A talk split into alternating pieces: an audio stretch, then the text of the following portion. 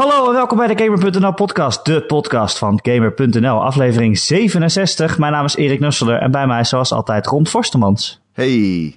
Ron? Ik hoor, je mij, hoor je mij goed, uh, Erik? Ik hoor je komt uh, luid en duidelijk over. Elk woord okay. dat je zegt is kraakhelder te verstaan.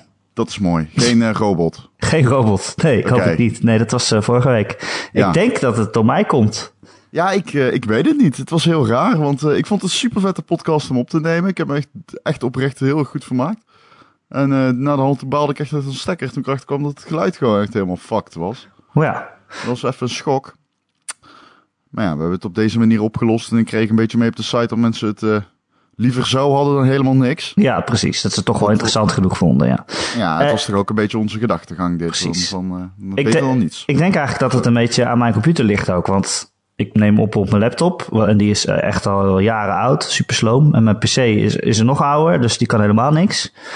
Dus okay. ik dacht, misschien moet ik eens een PC-expert weer uitnodigen in de podcast. Oh, oh. die hebben we gevonden. Wilbert Meetswaal, onze collega, is de gast vandaag. Hoi Wilbert. Hallo. Hey. hey ja, dan zit je er toch ineens in gestrikt dat je mij advies moet geven. Ja, ik, je, komt, je komt naar me toe met al mooie verhalen van ja, we willen graag over, daarover praten en hierover. En dan blijkt ik gewoon in de val gelokt. Ja, dankjewel, dankjewel. Nee, want ik dacht ook, uh, we gaan straks met jou praten over uh, nieuwe videokaarten. Die zijn uh, sinds deze week te koop van yep. Nvidia. Uh, dus daar wil ik dan eigenlijk wel wat over weten voordat ik wat ga kopen natuurlijk. Ja, dat kan, dat kan. je hebt ook Total War gespeeld en Stellaris. Maar ik stel voor dat we met een andere game beginnen. Eigenlijk de game waar iedereen uh, over praat ineens. Uh, Overwatch. Wat een game. Ja? Ja, wat een game. Nee, echt serieus. Ik ben zo verslaafd. Ik, ja, ik, zit, ik denk gewoon de hele dag aan die game. Ik wil gewoon de hele dag Overwatch spelen. Het is gewoon kut als ik iets anders moet gaan doen. Dat geen ja. Overwatch is. Je was het hele weekend weg. Ja, ja, ja, nee, ja. Excuses aanvaard. En um, ja, ik ben inderdaad ook het hele weekend weg geweest, ja. Want ik had een uh, vriendenweekend. Maar oh, jongens, het is zo goed, hé. Oh, het is zo goed. Het is echt, uh, ja, het is, het is echt... Ja, weet je wat kut is? Jij zei dus tegen mij, Erik. Is dit dan jouw Game of the Year of the Winner? Nou, want dat is eigenlijk... En dan kom ik in een soort van onmogelijke tweestrijd. Ja, want jij hebt, je hebt die game gerecenseerd. Je hebt een 9,5 gegeven. En jij hebt een paar podcasts geleden nog gezegd: het enige wat belangrijk is, is hij beter of slechter dan The Witness? Ja, ja The Witness is heel speciaal. Overwatch is een leukere game. Ik, ik, ik weet niet, het is een toss-up. Leuker dan of minder leuk dan de Overwatch. De The Witness en Overwatch bedoel ik, sorry. Dat wordt de nieuwe maatstaf dan. Dan okay. nemen we Overwatch nemen we erbij. Nee, het is gewoon. Um, Kijk, de eerste, het is gewoon een fucking fantastische shooter. Hè? Hoe die sniper voelt, insane. Hoe die pijl en boog voelt, voelt misschien wel echt als de beste pijl en boog in een game ooit. En dan heb je ook nog die, die, die, die Reaper, die dubbele shotguns heeft. Nou, het is zo fantastisch om met hem te spelen. En dat zijn zo'n uiteenlopende heroes. Die, die personages zijn zoveel anders. Dat uh, als jij een dag lang uh, een hero speelt die... Uh, bijvoorbeeld, bijvoorbeeld, ik speel heel veel met Tracer. Dat vind ik zo fucking tof. Die kan drie seconden terug de tijd in. Dus ja, je kan zoveel coole dingen met haar doen, weet je wel. Dan sta je boven op een gebouw en dan spring je naar beneden, stik je iemand met een granaat en dan spoel je de tijd er terug, sta je weer boven op dat gebouw. Dat soort dingen. Super cool, maar uh, je kunt ook bijvoorbeeld een dag met haar spelen en dan ga je full on attack gewoon. En een dag later speel je gewoon de hele dag healer. En uh, dan speel je gewoon in principe dezelfde game op een hele andere manier, terwijl je op beide manieren gewoon super belangrijk bent voor het team. En wat ik ook heel erg waardeer in Overwatch, is dat het voor mensen die nog nooit shooters hebben gespeeld. Ach, kijk, daar komt hij. nou ja, ik weet niet of je de recensie gelezen hebt, maar het, eigenlijk wat Blizzard, Blizzard gedaan heeft, en dat is echt super knap. Ze hebben gewoon een shooter gemaakt waar iedereen uit kan halen waar hij of zij naar op zoek is. Het is denk ik de beste online game die ik ooit gespeeld heb. Het heeft wow. Rainbow Six? Grote woorden. Ja, Rainbow Six is natuurlijk nostalgie voor Counter mij. Strike? En dat is Overwatch niet. Ja, maar dat is echt... Dan kom je bij, uh, zeg maar, competitieve nostalgie. En dit is gewoon... Dit is echt... Het is, ik schrijf het ook. Het is een competitief meesterwerk. Dat is het echt.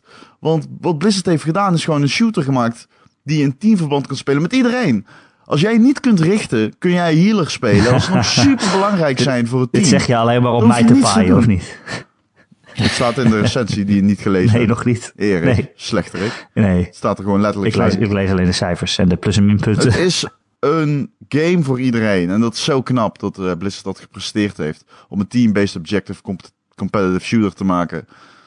waar, waar je uit kan halen wat jij zoekt ook al. Speel je alleen maar de hele dag shooters of is dit je eerste shooter ooit? Ja, je hebt hem ook gespeeld hè Wilbert, althans in de beta. Ja, ja, klopt. Ja, in de beta inderdaad. En ik, moest ook, uh, ik ben ook helemaal eens met Ronde als het gaat over Tracer. Ik, ik, ik kon ook heel erg genieten van, van zo'n zo'n Benny Hill routine. Dat je dus iemand aan het beschieten bent. Je probeert achter je aan te komen. Je rent een hoek om. Dan gaat hij die hoek om. En dan spring je, spring je tussen terug. En dan zeg je weer tikkie of zo. Uh, ja. Achter hem. En ja, nee, dat, is, vond ik echt geweldig ja, om te doen. Tracer ja. is fantastisch. Die staat voor mij symbool voor de mooiste momenten in die game. Ik heb ook een paar van die momenten heb ik, uh, geüpload.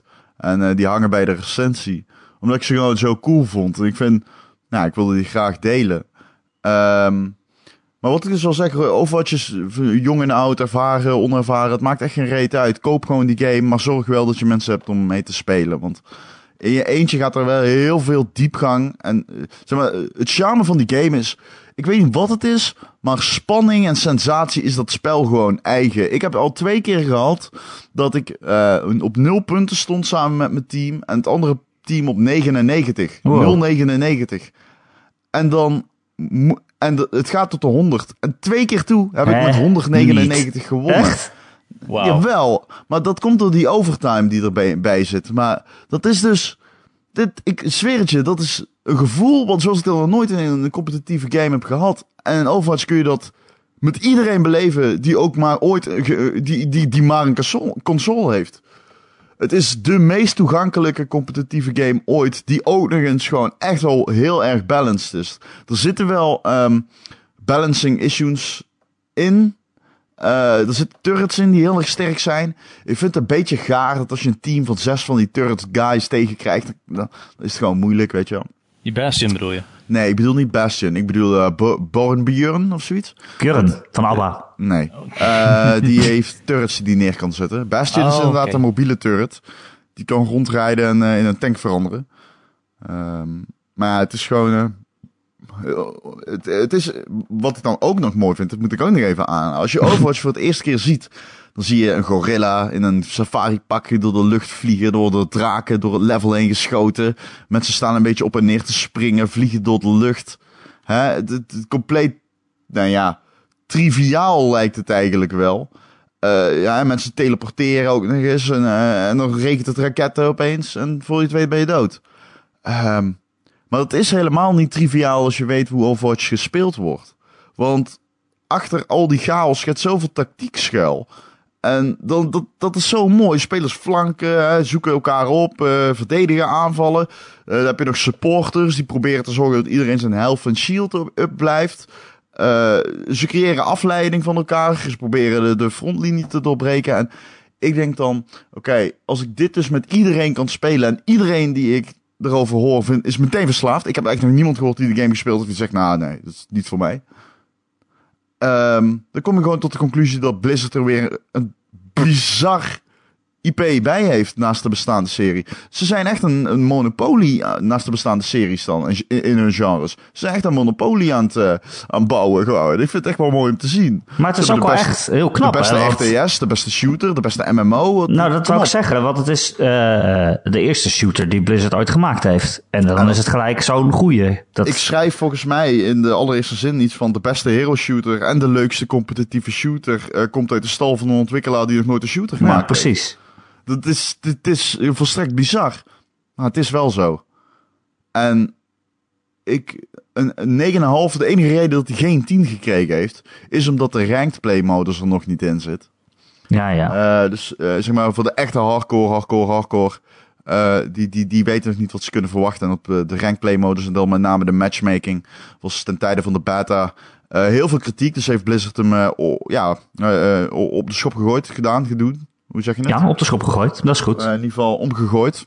Ja. En um, ze uh, gaan vooral aan de matchmaking sleutelen. En daarom komt die ranked play modus pas halverwege of ergens, zelfs zeggen ze officieel, ergens in juni.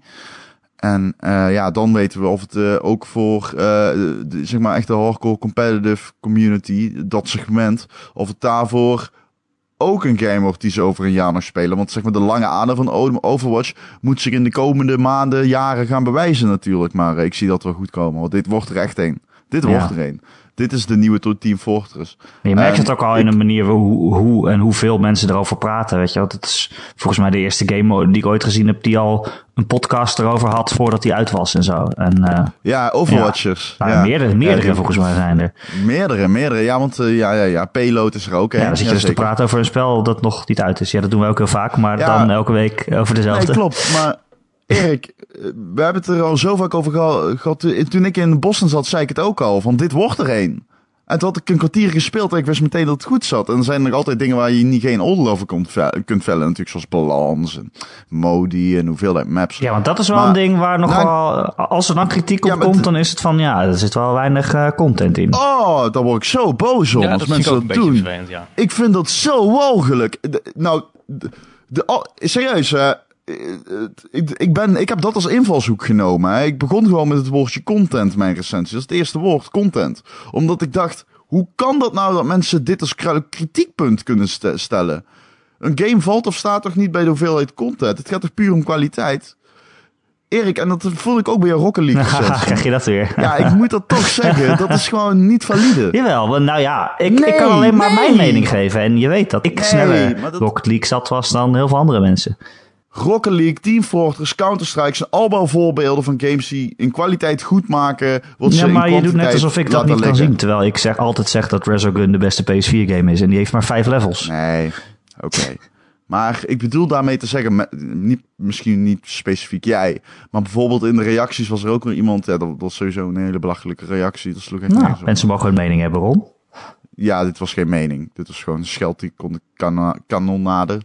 Eh maar eh, je kunt een game niet, zeg maar, je, moet wel een beetje inzien wat het probeert te zijn. En wat het niet is, daar mag je niet op af. Dat, ja, bedoel, dat, is heel, dat wordt heel snel persoonlijk.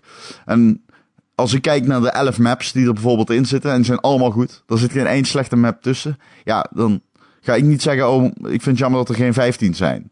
Ja, nee. Dus ik ja, snap waarom ik, geen 20? Ja, ja, waarom geen, eh, maar ik snap ook niet dan, wat hadden mensen dan verwacht aan content? Wat hadden ze verwacht? Dat er ook nog een eh, Mario Kart spin-off in zat? een singleplayer verhaal? Dat is het toch niet?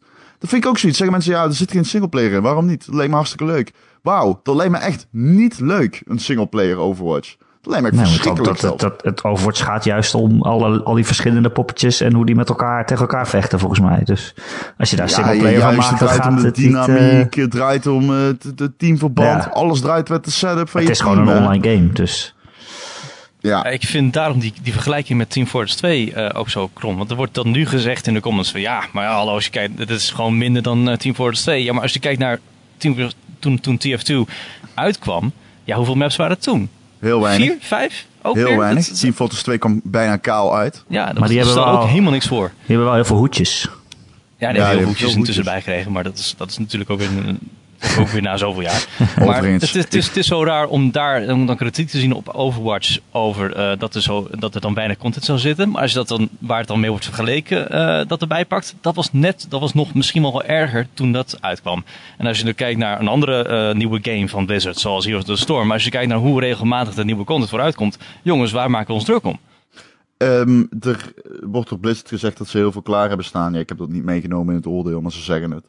Ja, niet oordelen. Misschien is het allemaal wel slecht natuurlijk. Maar het hoort Nee, gewoon dat niet nu bij de game. Dus, eh. Nee, het wordt niet, meer bij de game. Nee, ik nee, heb er echt geen behoefte ja. aan. Jongens, ik heb al 50 uur in deze game zitten. Jeetje. En ik, werk, ik, werk 8 uur per dag hè, dat ging snel. Netjes, netjes. voor de recensie. En ehm, ik, ik, ik meen dat echt. Ik, ik, ben zo, in- ik ben zo insane enthousiast. Ik vind het zo vet. Ik vind het echt zo vet. Het is, eh, wat ik het is dan- voor mij... Wat ik nog wel van jou wil weten, Ron, om- omdat jij eh, in de positie zit dat je ook eh, Battleborn hebt gereviewd. Wat Ja, misschien ja. toch wel enigszins een vergelijkbare game is. Niet helemaal, maar wel ook een hero shooter met eh, zeg maar een hele cast aan gekke Ja. personages. Ik Wat is dan, wat maakt Overwatch dan zoveel beter? Ah, er is geen vlak waarop Battleborn beter is.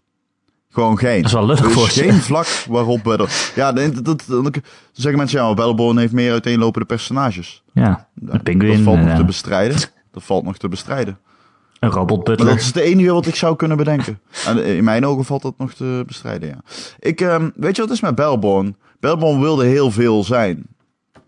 Overwatch niet. Overwatch heeft gewoon gezegd, luister, we hebben vier modi. 11 maps, 21 personages. En wij gaan gewoon die shit balancen. En wij gaan gewoon afwerken totdat er gewoon een game ontstaat waarin alles vloeiend is. En alles... De, je hebt, in Overwatch ben je gewoon nooit iets aan het doen wat niet leuk is. Zoals verliezen is niet erg in Overwatch, snap je? Dus die game heeft het heel erg... Um, die heeft heel erg gameplay geneeld met multiplayer balans. Dus wat je eigenlijk krijgt is een game die net als Rocket League heel erg easy to learn is, maar heel erg hard to master. Ja. Als je begrijpt wat ik bedoel. Ja, ja. Want dat wilde ik dus net zeggen. Ik heb er nu 50 uur in zitten. Je bent er nog steeds heel slecht in. Nou, ik ben er niet slecht in, omdat Tracer ik oh en iedereen de moeder is. Dat ik echt. Ik had gisteren ik denk wel dat Overwatch 2. Ik denk wel dat Overwatch ja, moeilijker om te leren is dan, uh, dan een Rocket League. Maar Rocket League is, is het doel al echt direct duidelijk. En zoals ja, je net al zegt, ja, als, je, als je begint met, met, ja, met Overwatch, ik, dan regent alles om je heen. Kijk, en ik bedoel dus, ik heb er nu 50 uur in zitten en ik speel vooral met Tracer. En uh, het is, ik heb dat personage helemaal leren kennen. Dus ik weet, dus ik continu tel ik mee van oké, als ik nu drie seconden geleden terugspoel, dan ben ik daar. En tien seconden later, dan weet ik weer, als ik nu drie seconden terugspoel, dan sta ik Dus ik heb heel die shit geneeld. In mijn gedachten dan. In de praktijk uh, was uh, misloop. Uh, maar da, ik, ik ben nu bijvoorbeeld de switch aan maken naar Hanzo. En Hanzo, die kan met een pijl en boog draken door muren schieten. Die heeft ook een UAV soort van. En ja, hij kan Shadow Scott doen. Dan schiet hij meerdere pijlen in één pijl. En verder fungeert hij een beetje als sniper, net als de Widowmaker. En Hanzo kan op muren klimmen. Nou, dat zijn maar een paar mechanics geen van die, geen van die mechanics heeft uh, bijvoorbeeld Tracer. Die heeft een nul daarvan. Dus dat is gewoon Heel alsof je in principe een andere game speelt. Ja. Uh, maar wat ik dus zeg, dan gaat Easy Learn How to Master wel op. Want die mechanics, dat is wat ik net al zei, wat, wat ik al in het begin zei. Overwatch is een fantastische shooter. Iedere gun voelt echt als een aparte, handgemaakte gun bijna. Destiny had dat ook heel erg. Dat iedere gun die voelde echt als een eigen gun. Nou, dat, dat heeft Overwatch misschien nog wel beter. Uh, dus je hebt een, een assault rifle die er generiek uitziet, maar gewoon met iedere generieke assault rifle in gaming uh, gewoon mee kan, zeg maar. Als je snapt wat ik bedoel. Nou, dat vind ik al best knap. Uh, maar omdat je dus met al die characters en al hun eigen hoe, hoe ze bewegen en hoe ze aanvallen en hun skills, omdat je daar zo in kan verder perfectioneren, is het heel erg leuk om steeds van character naar character te gaan. In Overwatch is dat heel goed uitgewerkt. In Battleborn voelt het toch een beetje alsof het is de zonder delen is het, zeg maar. Het is gewoon, ieder personage is een beetje van eh.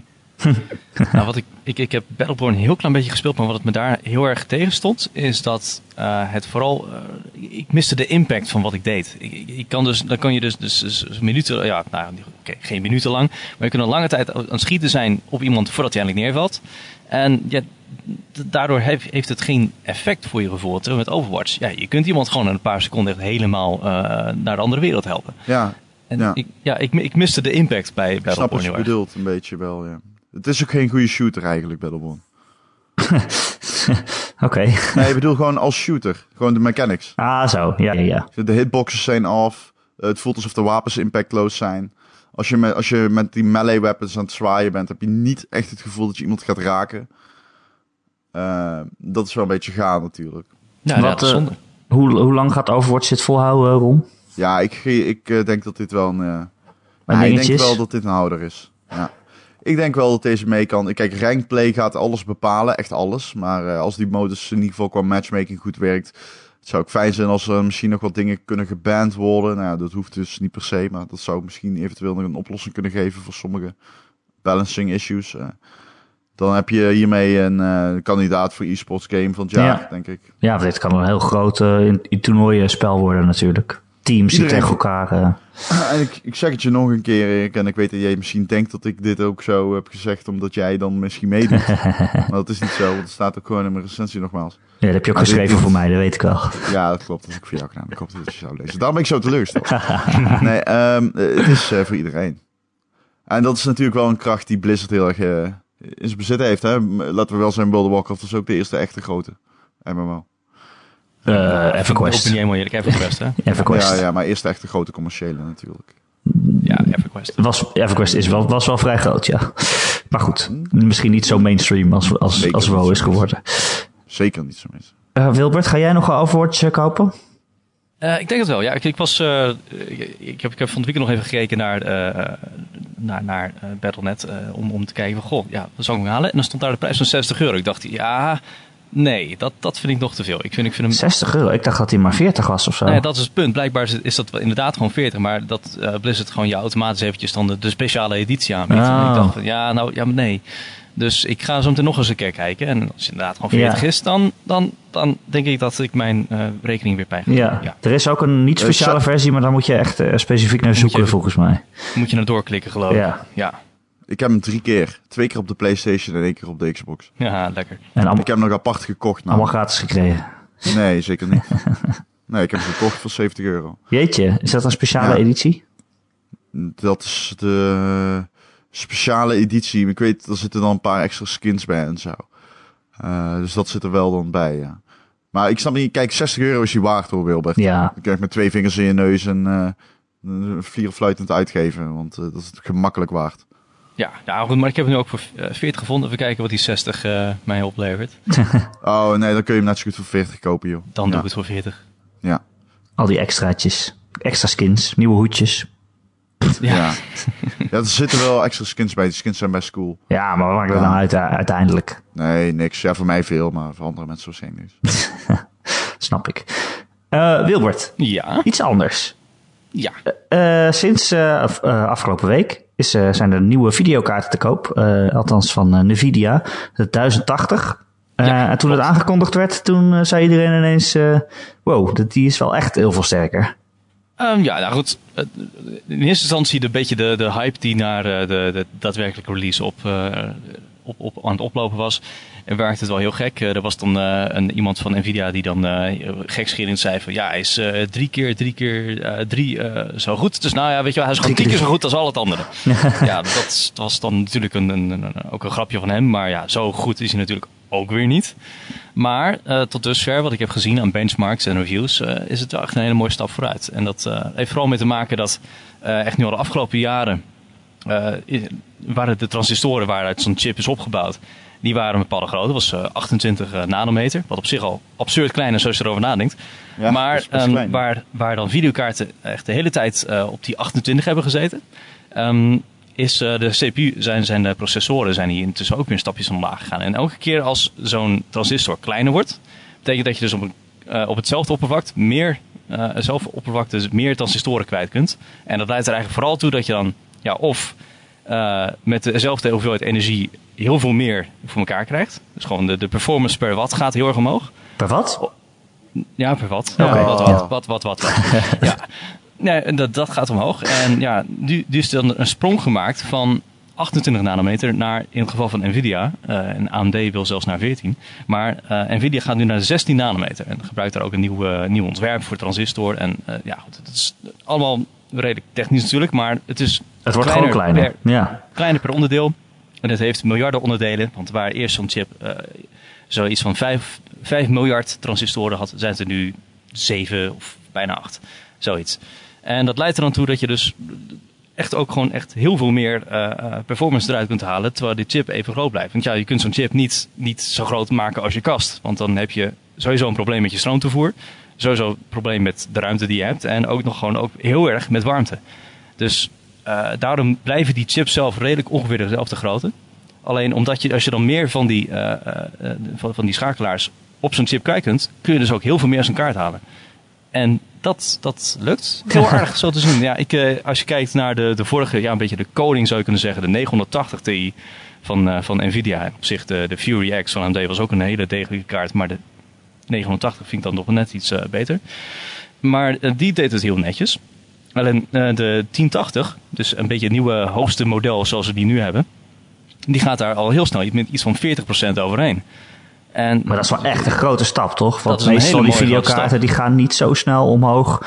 Dat je, dat je als je de vorige gekocht hebt en er komt een nieuwe uit, dat je dan denkt, ook ik moet meteen die nieuwe kopen. Maar Ja, goed, het hangt een beetje vanaf eh, hoeveel geld je Ja, daar ja. Want die mensen heb je toch echt wel hoor. Ja. Die van elke, elke, elke generatie weer een nieuwe gaan. Ik zelf hangt hier meestal gewoon, ik, ik sla, ik sla zelf liever gewoon een generatie over. Dan merk je het ook veel meer natuurlijk. Ja, maar je hebt ook mensen die de, de iPhone 5S kopen of zo, als ze de 5 hebben. Maar van die kleine Ja, stapjes, dat, die dat ook weer de moeite waard vinden. Maar gewoon voor de gewone gamer is meestal zo'n stapje, is dat je zegt van, oké, we, we kunnen er wel in overslaan. Het, is, eh, het, is ook weer niet, het wordt ook weer niet zo mooi, zo, zoveel mooier dat ik eh jaloers zit te kijken. Nee. Maar dit is toch Maar- wel echt een flinke stap, toch? Dit is een mooie stap, ja. En, en los van dat hij gewoon eh, ja, veel meer op zich al van zichzelf al sneller is, heeft Nvidia ook een aantal nieuwe eh, ja, technieken toegepast. En eentje daarvan vind ik al heel interessant. Eh, dat is dan simultaneous multiprojection. noemen ze dat. En dat leidt ertoe dat, dat die kaarten veel beter overweg kunnen met het weergeven van meerdere camerastandpunten. En één applicatie die dan heel erg voor de hand ligt, is virtual reality. Ah, Want ja. daar gebruik je Ja. natuurlijk twee ogen, twee kamer- camerastandpunten. Want wat het eerst was, is dat als je, zo'n, eh, als je, als je een frame probeert te renderen, dan, moet je, moet je, dan krijg je van de CPU, de, van de processor, krijg je eerst de informatie over van oké, hier staat dit object en twee meter rechts ervan staat dat project, eh, object. En dan moet je dus eigenlijk gewoon die scène je aan het opbouwen, de, de geometrie je aan het opbouwen. En daarna wordt dus berekend van, goh, maar vanuit welk, als we nu vanuit de hoek van de speler dat dan allemaal zien, hoe ziet het dan eruit? En dan wordt alles bij elkaar gegooid, de tekstjes eroverheen geplakt, et cetera. Als je, zoals het nu is, als je, eh, moet je voor elke keer dat je zo'n camerastandpunt berekent, moet je die hele scène weer opnieuw opbouwen. Wat eigenlijk gewoon doodzonde is, want die scène zelf verandert niet. Eh, in ieder geval niet voor dat ene frame. En met dat simultaneous multiprojection wordt dus al dat voorbereidend werk van waar staat alles, wordt dus dan, hoef je dan maar één keer uit te voeren. En dan kun je, nou goed, met die technologie die Nvidia nu heeft bedacht, kun je dat tot 16 keer Jezus. kun je dat dan uitbreiden. Dat is handig voor vliegen met 16 ogen en zo. Nou ja, dat is dan ook de tweede eh, applicatie. Is, is dat je dan dus gewoon meerdere monitoren naast elkaar, dat je dat zonder problemen kunt doen. Want wat je nu hebt, is dat je dat zo'n, eh, als je nu eh, meerdere monitoren naast elkaar zet, gaat het spel er eigenlijk vanuit, is dat je dan die gewoon echt recht naast elkaar hebt staan. En niet een beetje om je heen zet. Ja, zoals ja. je eigenlijk zou willen, dat je er echt in zit. En dat, dan raakt het perspectief vertekend. En daar, die techniek kan er ook heel goed mee overweg. Die, die, eh, die doet dat alvast voor je. Want wat, al, die problemen die je daarmee had, die, die werden eerst met, met een software oplossing gedaan. Dus gewoon, dat, dat was gewoon een extra berekening. Alleen wat Nvidia nu heeft in zijn kaart heeft zitten, is dat, dus dat het dan hard- hardwarematig wordt versneld. Net zoals gewoon heel veel andere taken met het berekenen van, van je beeld eh, al lange tijd worden versneld. Dus dat daarin, dus, dus met, eh, zeker met virtual reality, wordt, eh, kun, kun je op een flinke, flinke snelheidswinst eh, rekenen. Ja, maar denk je, is het dan zo dat eh, mensen die die Oculus Rift hebben besteld en daar een goede PC bij hebben gekocht een paar maanden geleden, Mhm. dat die nu de haar uit hun hoofd trekken? Zo van shit, ik had eigenlijk deze moeten hebben. Ja, misschien wel. Op zich zijn de kaarten die ze dan hebben gehaald, die zijn ook prima in staat dat te doen hoor. Dat, eh, het, is, het is niet alsof ze nu in één keer een hele slechte kaart hebben. Ik bedoel, de, de, de prestaties die je met die kaart haalt, zijn gewoon goed genoeg om virtual reality mee te doen. Alleen, het kan natuurlijk altijd beter. En dat is nu, ja, dit is heel duidelijk beter. Ja, het is, het is extreem veel beter. Is hij eigenlijk ook duur? Eh, ja, volgens mij is het, hij is wel een tikkeltje duurder dan, eh, dan de vorige generatie. Eh, sowieso, de kaarten die je nu op dit moment nog echt kunt vinden. Want, want op zich MSI en Asus en zo hebben nu dus wel een kaart te laten zien. Maar die, de prijzen die je nu nog vindt zijn voor de zogenaamde Founders Edition van Nvidia. Dat is eigenlijk gewoon een referentiekaart. Dit is gewoon, de, Nvidia stuurt dan zo'n kaart naar al die fabrikanten en zegt van, hé kijk, dit is wat we hebben. En dat je dan, die kaart vind, vind je eigenlijk niet in de winkel. Mhm. En dan gaan dus andere fabrikanten gaan er dan dus hun varianten van maken. Dus daarom heb je dus een MSI-kaart in je kast zitten, of een Gigabyte of een Asus. Hè? En die kaarten die Nvidia dan zelf eh, gewoon, gewoon heeft bedacht, die Founders Editions, die referentiekaarten, die kun je vinden, maar die kosten je 100 dollar extra. Ik weet niet of dat echt vertaald naar 100 ja, euro die extra. zijn duurder. Ja. Maar dan kom je, Volgens dan kom je al uit op, de- volgens mij is het al zelfs 800 euro voor een, eh, een, een eh, 1080. Moet ik even opzoeken. Jeetje. Ja, moet ik, moet ik even kijken hoor. Ik had het even Vol- opgezocht. Volgens Ja. mij was het 700 of 8 of zoiets. Ja, ik zie, ik zie, zie 800 staan, inderdaad. Dus dat, dat is wel heftig, want ik geloof dat die eh, 980 bij launch eh, toch iets van de 600 zoveel was. Ja. Of eh, misschien 700. Dus je, je betaalt wel eventjes wat extra. En het is wel de verwachting dat zodra dan die fabrikanten bezig, zijn, bezig gaan met hun eigen varianten, en die, er zijn, daarvan, die varianten zijn, zijn er bekend, daarvan zijn de prijzen vaak nog niet helemaal bekend.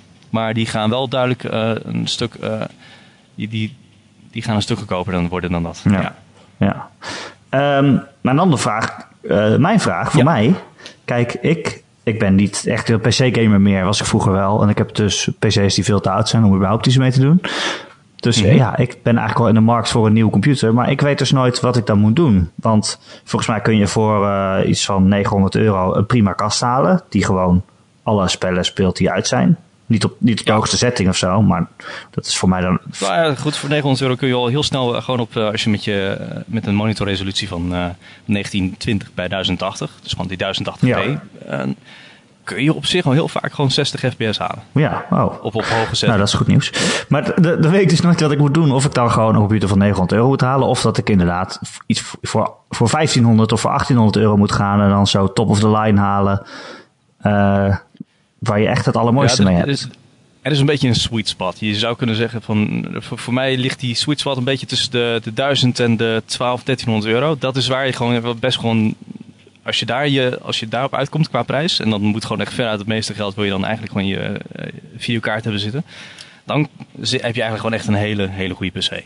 En als je daarboven gaat zitten, ja, dan wordt hij wel sneller. Maar dan betaal je eigenlijk per euro, krijg je nog steeds minder ja, performance krijg je dan terug. Ja, ja, het is eigenlijk... eh, de return on investment is niet zo hoog dan. Ja, ja dus, de, de, beetje, dus ja, tot, tot aan de duizend is echt gewoon, dan krijg je echt steeds heel veel meer performance voor elke euro die je ingooit. Maar op een gegeven moment heb je dan een beetje die piek bereikt. En nou, voor mijn gevoel, en dat kom ik wel heel vaak tegen, is het tussen de 1000 en de 1200, 1300 euro. Als je, dat is een beetje het budget wat je wil aanhouden. Oké, nou stuur me even een lijstje naar de podcast wat ik dan moet kopen.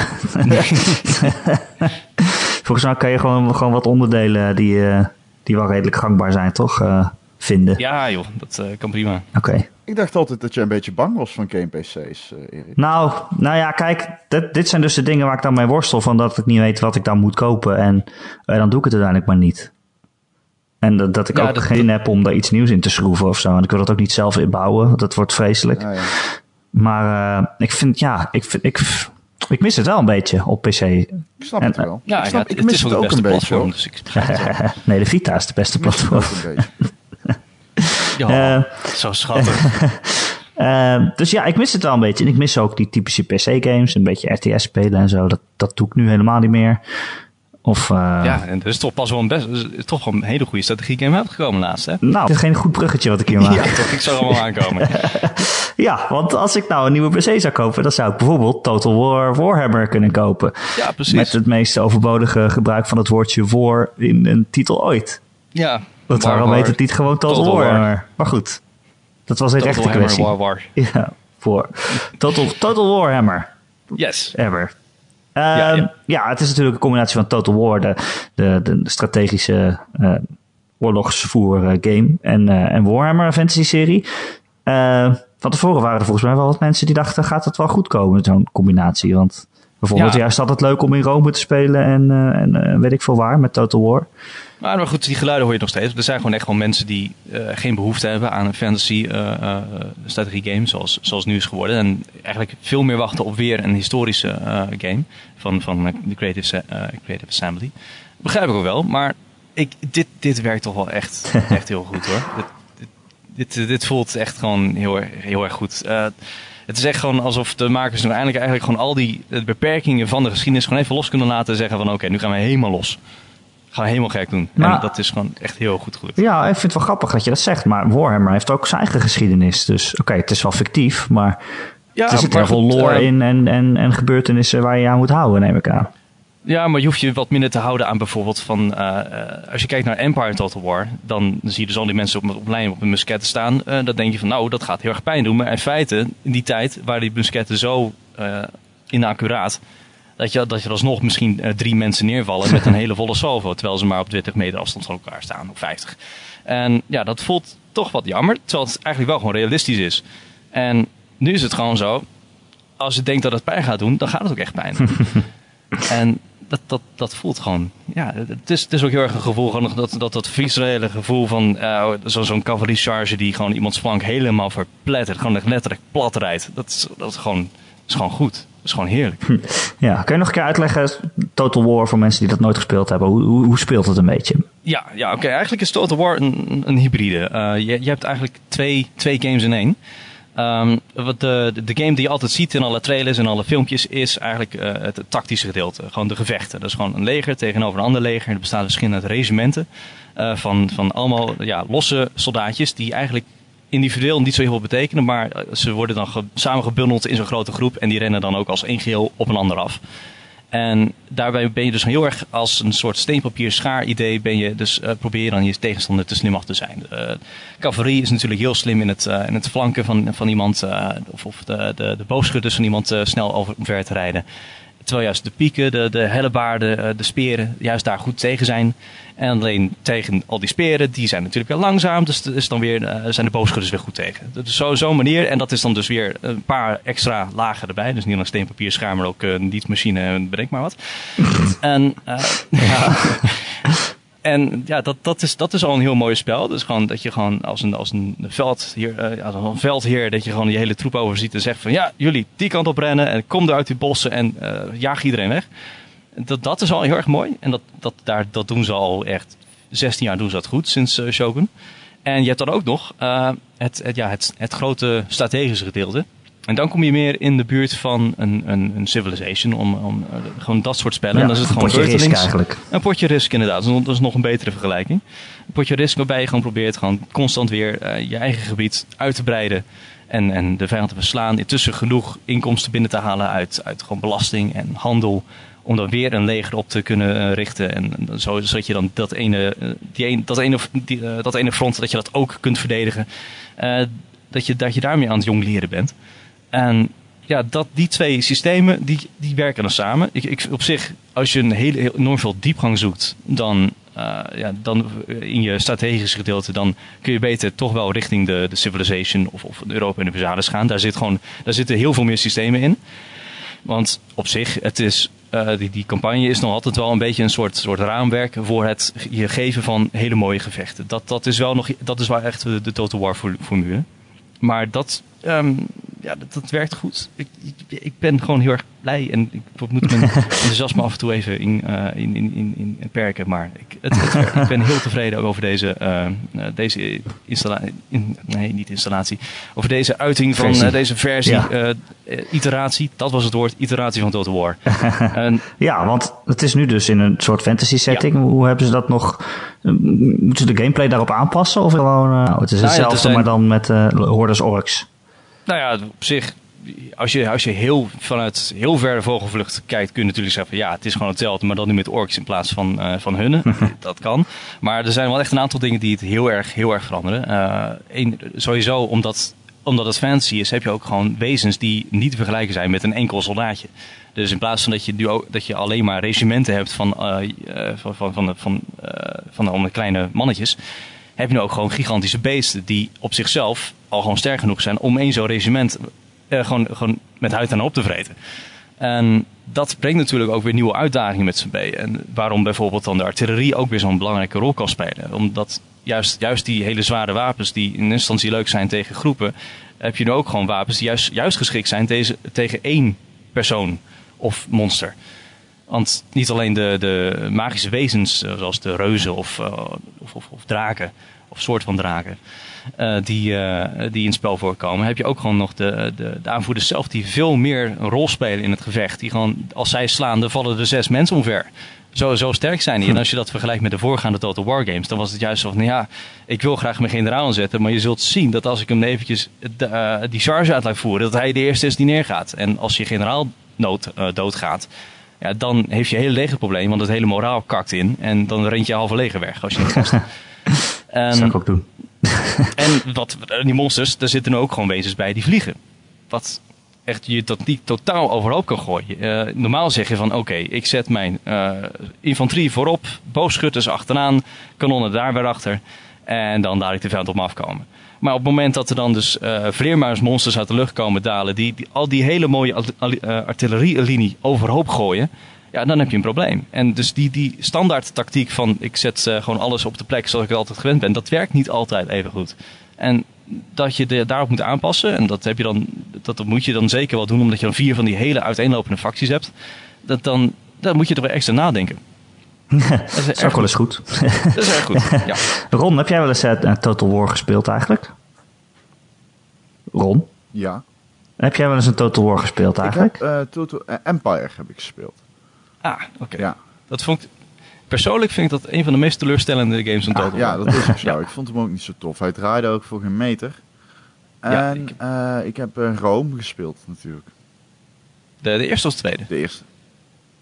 Ja, ja, ja, dat is ook een hoogtepunt. Ja, de tweede juist is, is, is, een, eh, is de reden waarom heel veel mensen heel erg huiverig zijn eh, bij, het, eh, bij het halen van, van Total War. Want Rome 2 was echt een, een ramp bij de launch. Dat was laadtijden waar je, waar je gewoon echt gewoon, gewoon van gaat huilen. En de, de tijd voordat je beurt voorbij is, dat was ook minstens zo lang. En je was gewoon echt meer aan het wachten dan dat je aan het spelen Ja. was. En dat was heel vervelend.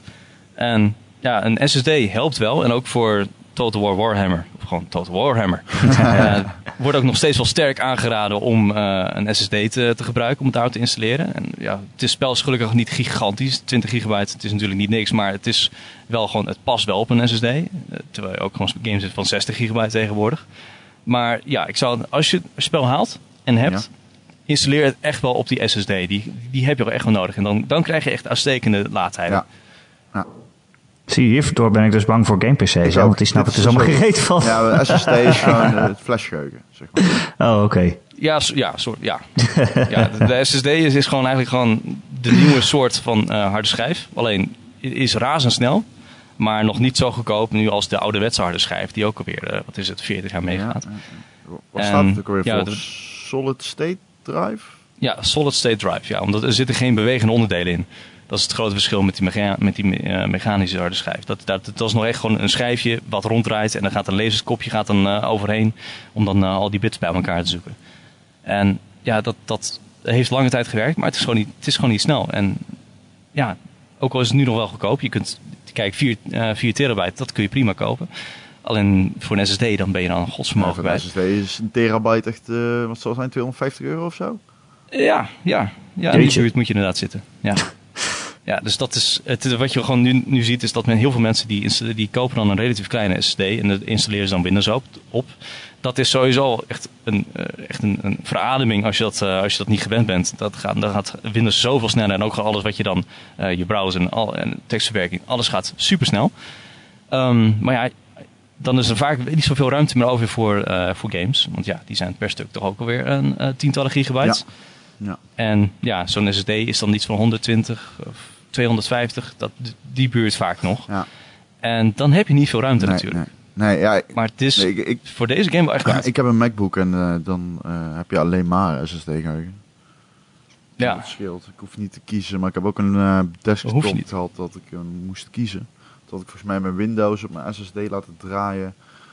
En Mhm. een paar Steam games. En dat was het wel. Ah, en Photoshop. ja, precies. Dat wil je inderdaad ook wel daar hebben. Ja. Gaat lekker Ja, dat, ja je bent, je, het is nog... eh, ja, het is, het is echt de toekomst, maar het is nog net iets te duur om, het, eh, om, je hele PC er vol mee te hangen. ja, maar precies. ja, je, je wil het echt wel. Je wil het. Ja, je wil het. Ja. Ron, heb wilde jij nog... altijd- eh, Nou, ik wilde dus altijd waterkoeling in mijn PC hebben. Oh, dat is cool. Ja, alleen Dat is met van daarom. die neonlichten. Ja, ja, ja, ja, ja. Ik was er zo in. Razig t-shirtje aan. Een racestoel om in te zitten. Ja, ja, ja. Vet cool. Ja, heb ik zelf, eh, moet, ik, moet ik eerlijk toegeven, daar heb ik zelf nog nooit eh, mee eh, geknutseld met waterkoeling. Want ik toch een beetje huiverig ben van ja, het is Het water. is het water, lekt. ja. Ja, het is water wel bij water. heel veel heel, hele kwetsbare apparatuur. Maar goed, dat water, als je dat, eh, als je dat gewoon heel zuiver hebt, dan is het natuurlijk geen gevaar.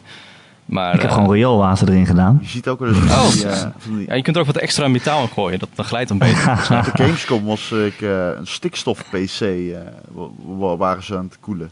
Zeg maar, met stikstof. Wow. Ja, dat, dat is gemeengoed als je bij, bij overklokkers inderdaad. Van als je echt heel serieus bent over het eh, halen van zo hoog mogelijk 3D-mark scoren, dan, eh, dan moet je je ja, CPU en je GPU gewoon zo goed mogelijk koelen. En het beste daarvoor is eh, stikstof. En dan staan ze inderdaad met zo'n kokertje eh, vloeibaar stikstof erbij waar de dampen van afslaan. En eh, dan, dan zie, je ook, zie je gewoon echt de hele grond zie je mistig worden in de omgeving. gewoon om, omdat het allemaal aan het, eh, ja, dat is allemaal aan het, eh, aan het verdampen. Ja. En ja, daar zijn ze bezig. Ik, ik zou ook inderdaad niet mijn hand erin willen steken, maar het is goed koud daar. Jeetje. Eh, Ron, Ja, heb je eigenlijk nog wat anders gespeeld dan Overwatch? Dat dacht ik al. Nee, ja, Nee, nee, hè? absoluut niet. Ik wil helemaal niks anders. Mijn leven bestaat uit 99% Overwatch en 1% alle andere saaie randverplichtingen. Zoals werk en slapen Ja, en werk, eten. slaap, eten, naar de winkel, Snap ik. vrienden, Sociale verjaardagen, mensen die praten, podcasts, Woordgrappen. woordgrappen. Dat je daar niet eens 1% voor, voor wil geven. Oh, jawel, Voor woordgrappen. 2%. 2% vooruit. Zo, nou, Is het dan ook echt dat als ze deze podcast ophangen, dat jij dan meteen Overwatch gaat spelen? Ah, ik zal niet zeggen dat ik ermee bezig was net, maar eh,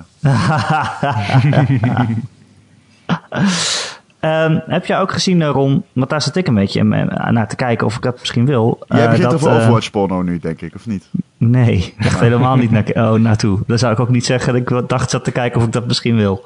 Ja, nee. Is er zoveel voordeel van Overwatch? Ja, dat weet je toch? Dat is niet zo'n hele rel als dat op dit moment. Maar zijn Ja. er mensen die dat maken? Of? De, ja, dan kun je, ja, maar, naar ik heb begrepen kun je daar de, de, de eh, je hebt zo'n source filmmaker. Ja, precies. Eh, en daar wordt dan alles mee gedaan. Dan pakken ze de modellen van uit de game en dan laten ze die van alles doen. ja. Van Ja. alles. Op, eh, nou, Van de, alles. de zoektermen Zekere handelingen. Overwatch op Pornhub is van 800% toegenomen in twee weken tijd of zo. Ja, natuurlijk. Want twee weken geleden was die game niet uit. Eh, dat was voordat die uit was. Oh, was ten tijde van de open beta. oké. Maar wat vinden mensen die poppetjes dan zo lekker of zo? Ik, Ja, ik snap ja. het niet. Mensen vinden het geil, Erik. Oh, oké. Ja, dus, dus voor ieder wat wil. Zeg. Ja. Er gaan heel veel verschillende Maar, eh, ehm, figuren. Blizzard heeft nu eh, al die sites een, eh, een, eh, een soort van waarschuwing gestuurd. Dat ze de porno offline moeten halen. Want het is niet de bedoeling dat het IP daarvoor gebruikt wordt. Nee, het was niet de bedoeling. Dat snap ik wel. Ja, het is, het is natuurlijk een overtreding van je, van je eh, eh, auteursrechten. Ja, Ja, dat, zo is het ook. Ja, volgens Ja. mij wel. Ja. maar jij hebt daar een diep onderzoek naar gedaan, Ron. eh, Ik naar, Ik ben bezig met een artikel eh, voor Inside Gamer hierover. Dus je moet alles kijken. Dat is wel jammer. Nou, je hebt zo'n Reddit, eh Overwatch laagstreepje porn, zeg maar r slash Overwatch laagstreepje porn. En dan worden al die gifjes gedeeld. Het is zo insane hoor, wat mensen allemaal al hun tijd insteken om te maken. Jeetje. Oké, ik geloof niet dat ik het echt graag wil weten eigenlijk. Je zou het niet willen weten? Oh, ik zou het sowieso willen weten. ja, je vindt het wel interessant? Nou ja, kijk, als het bestaat op het internet, dan wil ik weten wat het is. Nou, dat is een heel gevaarlijke instelling. Ja, dat weet ik. Dat kom ik heel vaak op live leak.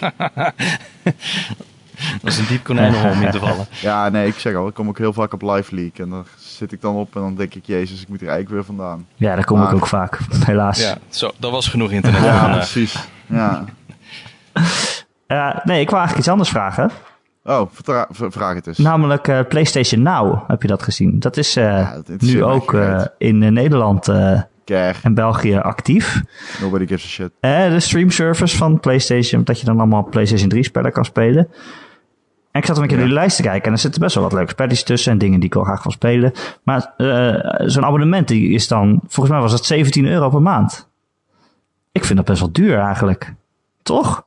En dat zijn dan vaak games die je al een keertje hebt gekocht. Dat, dat, is, waar, dat Ja. is natuurlijk waar het pijn ja, nou ja, de games die ik zou willen spelen zijn dan degene die ik nog niet heb gekocht, lijkt me. Maar ja, ik vind het, ik vind het wel duur. Want als je één PlayStation 3 game zou kopen, die zijn misschien nog 15 euro als je het ergens nu gaat kopen. Van die oude spellen. En dan, ja, dan kan je ook gewoon één per maand kopen. Dan ben je er ook. Als je dat snap graag zou dat willen. jij dat eh, allemaal doet, dit soort dingen. Wat? Dan, ga, dan ga je toch niet serieus je tijd insteken in PlayStation Now? Ik vind het, nou, ik, ik, ja, we kunnen nu wel zeggen dat ik eh, in, die, in een beta heb gezeten.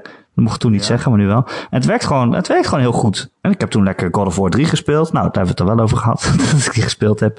Dat heb ik nog nooit gedaan. En, eh, is leuk hè? ja, Wat een leuke hartstikke game. leuke game. Fantastisch. En, echt, echt heel vet. Ja, en bijvoorbeeld Shadow of the Colossus heb ik erop gedaan. En nou, Ja. het werkt wel heel- echt heel goed. is ook goed. Nou, zie je nou wel. Het zijn dus gewoon leuke spellen die je dan kan spelen, Ron. Klopt, waren leuke spellen. Nu heb je Overwatch, Overwatch. Ik heb hem, eh, ik heb hem juist gekocht. Kijk, Echt? is- Je zit tijdens de podcast Overwatch te kopen? Tijdens de podcast heb ik, eh, heb ik de, de- Ja, dat was ook weer veel te Welke, makkelijk welke natuurlijk. versie? klasse. Ja, wel die 40 euro versie waar ik je inderdaad even voor moest doorklikken. Dus ik heb hem gevonden en nou heb ik hem. Precies. Hey, Erik en jij ook, want je schiet op. Nee, ja, ik heb te veel spellen, joh. Ik ga echt niet nog... eh, Nee, Kijk maar ik nou, wil ook geen gaat multiplayer spel spelen. Dat weet je toch wel. Ah, Dat weet je toch wel. Dan, ik vind dat jou ja, de toegang tot het internet moeten ontnemen. Hoezo? Als je dit soort dingen zegt. Dan kan ik niet meer podcasten. Oké, dat is waar. Hmm. Maar ik, ja, ik hou daar gewoon niet zo van. Des te meer reden om het Ik, wel te ik ben liever Ja, lekker, ja. eh, lekker Uncharted 4 aan het uitspelen. Dat ik een, een leuk verhaal heb en zo. En ik, nou, ik heb net eh, Quantum Break gekocht. Die wil ik nog spelen. Ah, Quantum Break. Nee, dat was dik ja, in de aanbieding, natuurlijk. maar ik hou, dan? Je weet toch, hè? 30 euro. 30 euro? Ja, Dat vind ik helemaal niet goedkoop. waarom niet? Dat is net net nieuw, dat spel. 30 euro voor een game die waarschijnlijk niet zo heel leuk is. Ik vind dat hij heel snel in prijs gedaald is. Maar goed. Is hij beter of minder goed dan The Witness? Ik heb nog niet gespeeld, Ron. Oké. Ik denk minder goed. maar eh, ja, ja, ja, dan weet je toch wel dat ik liever zo'n singleplayer verhaal heb. Eh, Ik plaag je toch een beetje, weet je toch? nee, maar daar hou ik niet van, Ron. Sorry, Erik. Nee, daar word ik heel defensief van. Sorry. Ik wil je niet in een hoekje duwen. Behalve in Overwatch. In Daar een wel. hoekje duwen. Dat is mijn ding. Met Ja? Tracer, damn boy. Ik kom achter je aan. Ik, ik, oh, vind ik zo leuk in die game. Sorry, ik, Ik kan vind die uit- Junkrat tof. Junkrat is ook cool.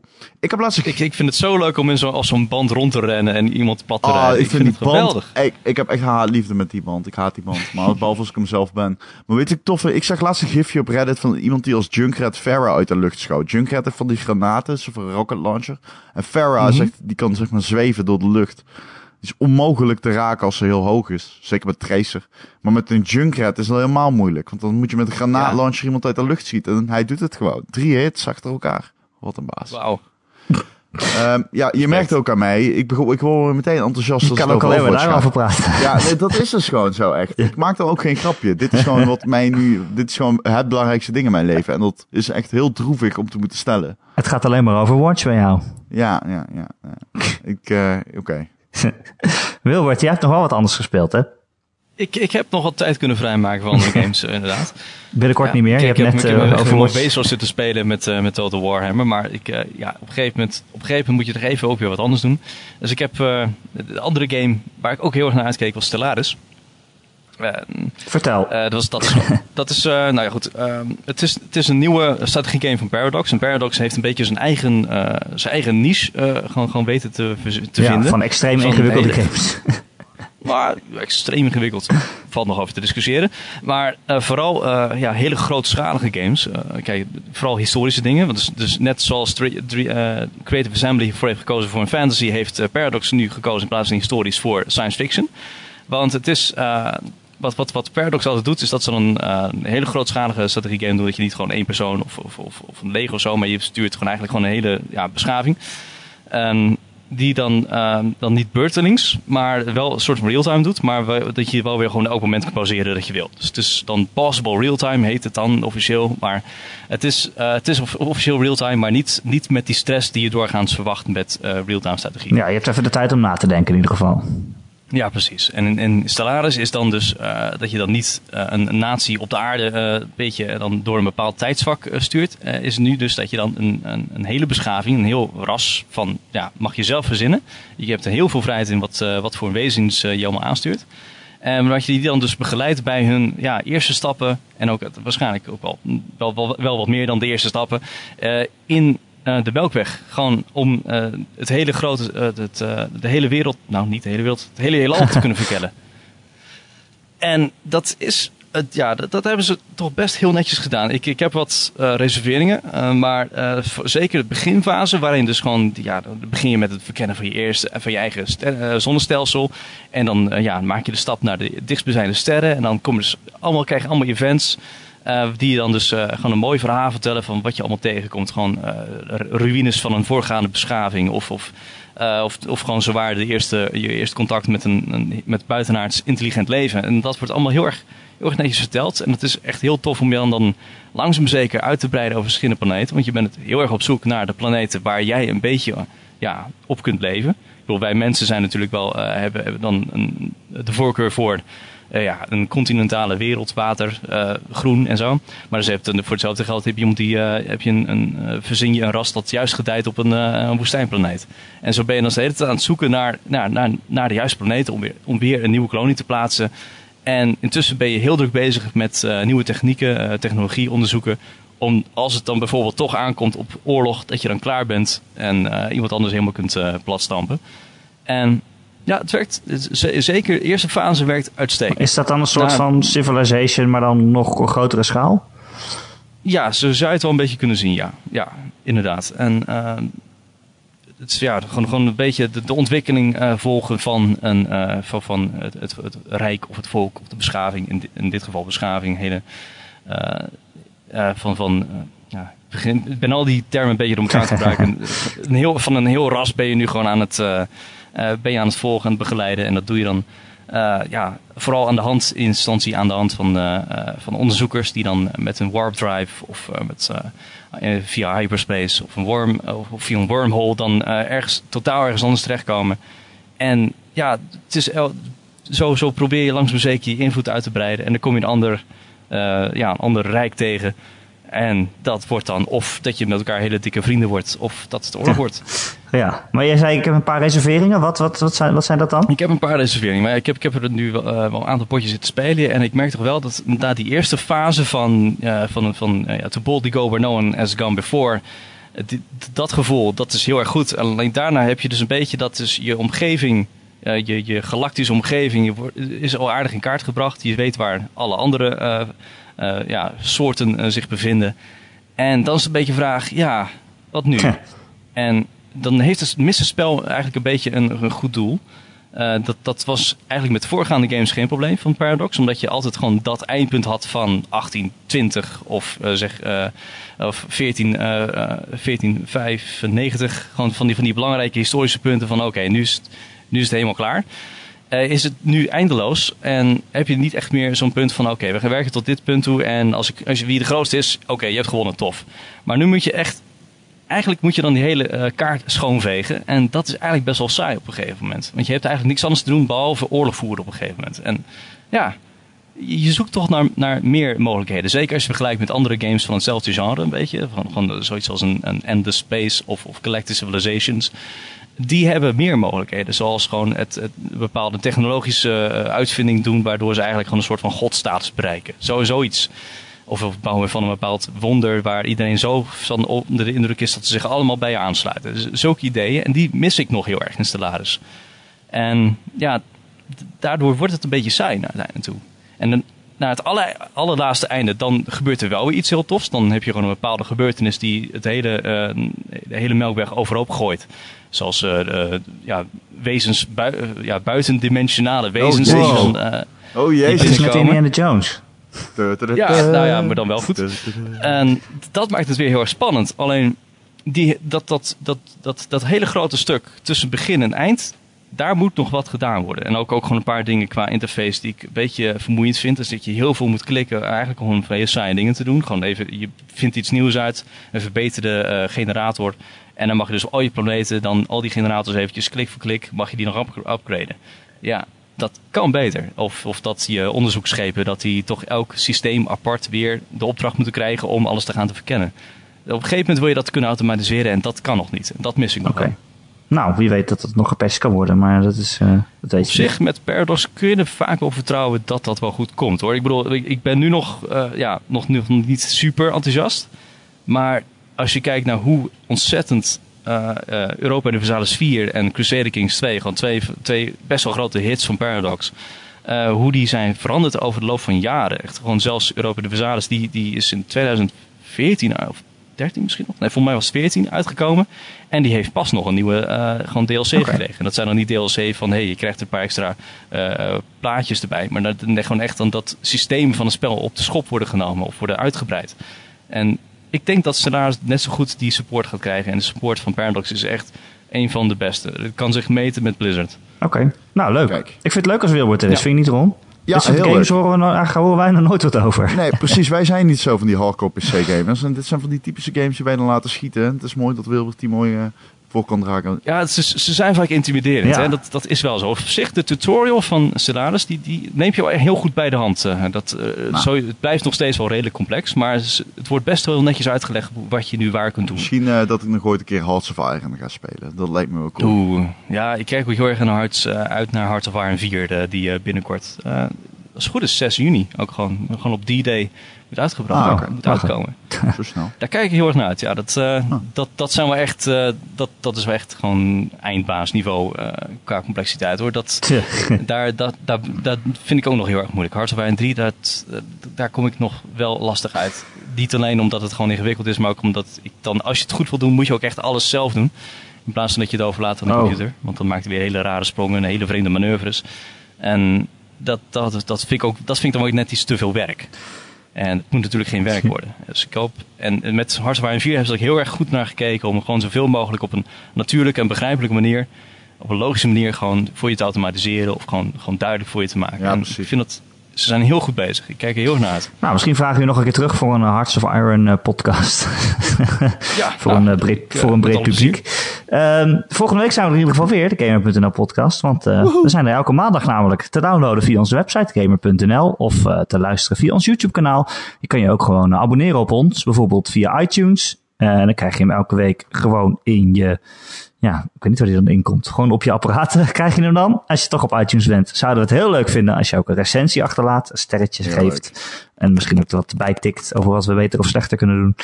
Eh, en dan zijn we in ieder geval weer beter vindbaar voor nieuwe luisteraars. Maar we zijn ook gewoon vindbaar eh, in eh, allerlei andere podcast-apps. Als je geen iTunes hebt. Dat kan gewoon. Ja. Heb je vragen Hey, en- of opmerkingen voor de podcast? dan kun je mailen naar erik.gamer.nl. Erik met een k.gamer.nl. Volgende week zijn we er weer. Ron, volgens mij, als ik goed reken, is volgende week onze E3 Pre-3 podcast. Ja, dat wilde ik dus zeggen. Dat wilde, ik wilde net al even inhaken. We, volgende week werken we natuurlijk naar de E3 natuurlijk. Dat doen we een speciale podcast met de E3. Dat wordt ook leuk. Dan gaan wij iedere nacht onszelf doodmaken door de podcast te doen na de persconferentiereeks. Ja, Ehm, ik doe de persconferentie analyses eh, voor Gamer.nl. Ehm, Erik, eh, die zit eh, volgens mij nieuws te tikken, klopt dat? ja niet tijdens de persco's, maar wel op beursdagen. Ja, Wel op beursdagen, Ja. oké. Nou, dus je, maar je bent erbij als we kijken. ja ze- ze- zeker. Ik ga sowieso kijken. En daarna Je gaat podcasten. kijken en daarna podcasten. En dus dat wordt nog leuk om te zien. Als je precies een jaar geleden de pod- podcast opzoekt, dan kun je Ja. een voorproefje krijgen van hoe dat klinkt Nou ja, als je om eh, half eh, acht 's ochtends Sony na een is- hele nacht werken eh, de podcast. Ja, wat Sony is, tot, tot vijf uur s'nachts volgens mij op maandagnacht. Ja, dus dan zitten wij om zes uur te podcast. Ja, top. Ja, het begint het, hè? Dus dan zijn we om half acht klaar. Ja. Lekker. Maar volgende week, Volgende dag weer om twaalf uur werken. volgende week gaan we lekker vooruitkijken. Er is een hele hoop om in. naar vooruit te kijken. Ja, vooral The Last Guardian, want heb ik zin in die game. Ja, mooi was die, hè? Ja, waren we allemaal nieuwe beelden.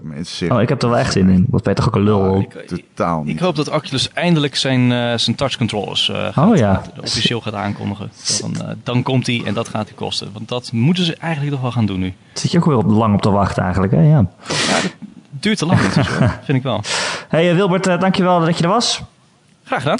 En eh, Ron, jij ook bedankt. Ja, jij ook bedankt Erik. Je bent een topper. Net als eh Sweep. Hoe komt de naam Sweep?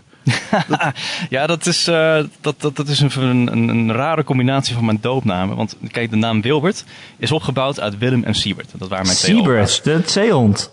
Ja, ik wist al dat het fout was om dit te vertellen. Siebert! Maar, eh, Oh, Kal is die klein.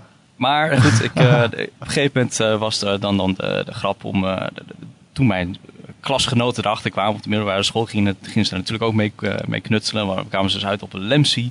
Lemsie. Want ja, dat zijn dan die, eh, de lettergrepen die dan buiten de boot vielen. In het geval van Wilbert.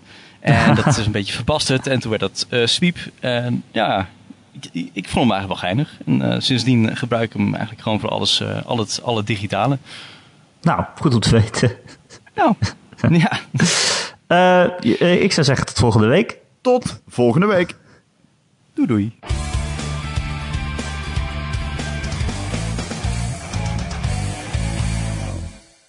Eh, ik heb dadelijk een date. Heb jij een date? Oh. Heb jij een date? Met wie? Met een meisje. Ja, de. Ja. Nou ja, hoe, hoe, kennen we, hoe ken je dit meisje? Ken ik er ook? Nee, Tinder. Oh, Tinder. Heb jij een Tinder date? Ik heb heel veel Tinder dates. Ron, als mensen jou willen vinden op Tinder. kan, kan dat überhaupt? Eh, rustig aan, Erik. Rustig aan. Als ik een gokje mag wagen, eh Ronnie V. Nee, maar eh, Tinder heeft geen profiel, hè? Tinder Nee, ik kan niet op zoeken. Ah, oké. Het werkt op eh, waar, waar je woont, toch? Tinder is trouwens Oh. een van de eerste games die ik uitgespeeld had. Hoeveel eh, trophies heb je? Heb je de Ja, platinum? ja, ik heb uitgespeeld het was af, was dat het niet? Hè? Je hebt Uitgespeeld, je dacht dat je juist af was. Nee, uitgespeeld. Ik kan geen matches meer vinden. Zijn allemaal op. Ik moet- Alles ik in Brabant is op. ik zit inmiddels op 200 kilometer of zo. Ja, maar je hebt ook ze allemaal al gehad, dus nu begin je weer van voren aan, toch? Oh ja, heel goed. Nee, ja, wellicht nieuwe foto's, nieuwe kansen. Ja, ik had er gewoon een uh, New Game Plus doen.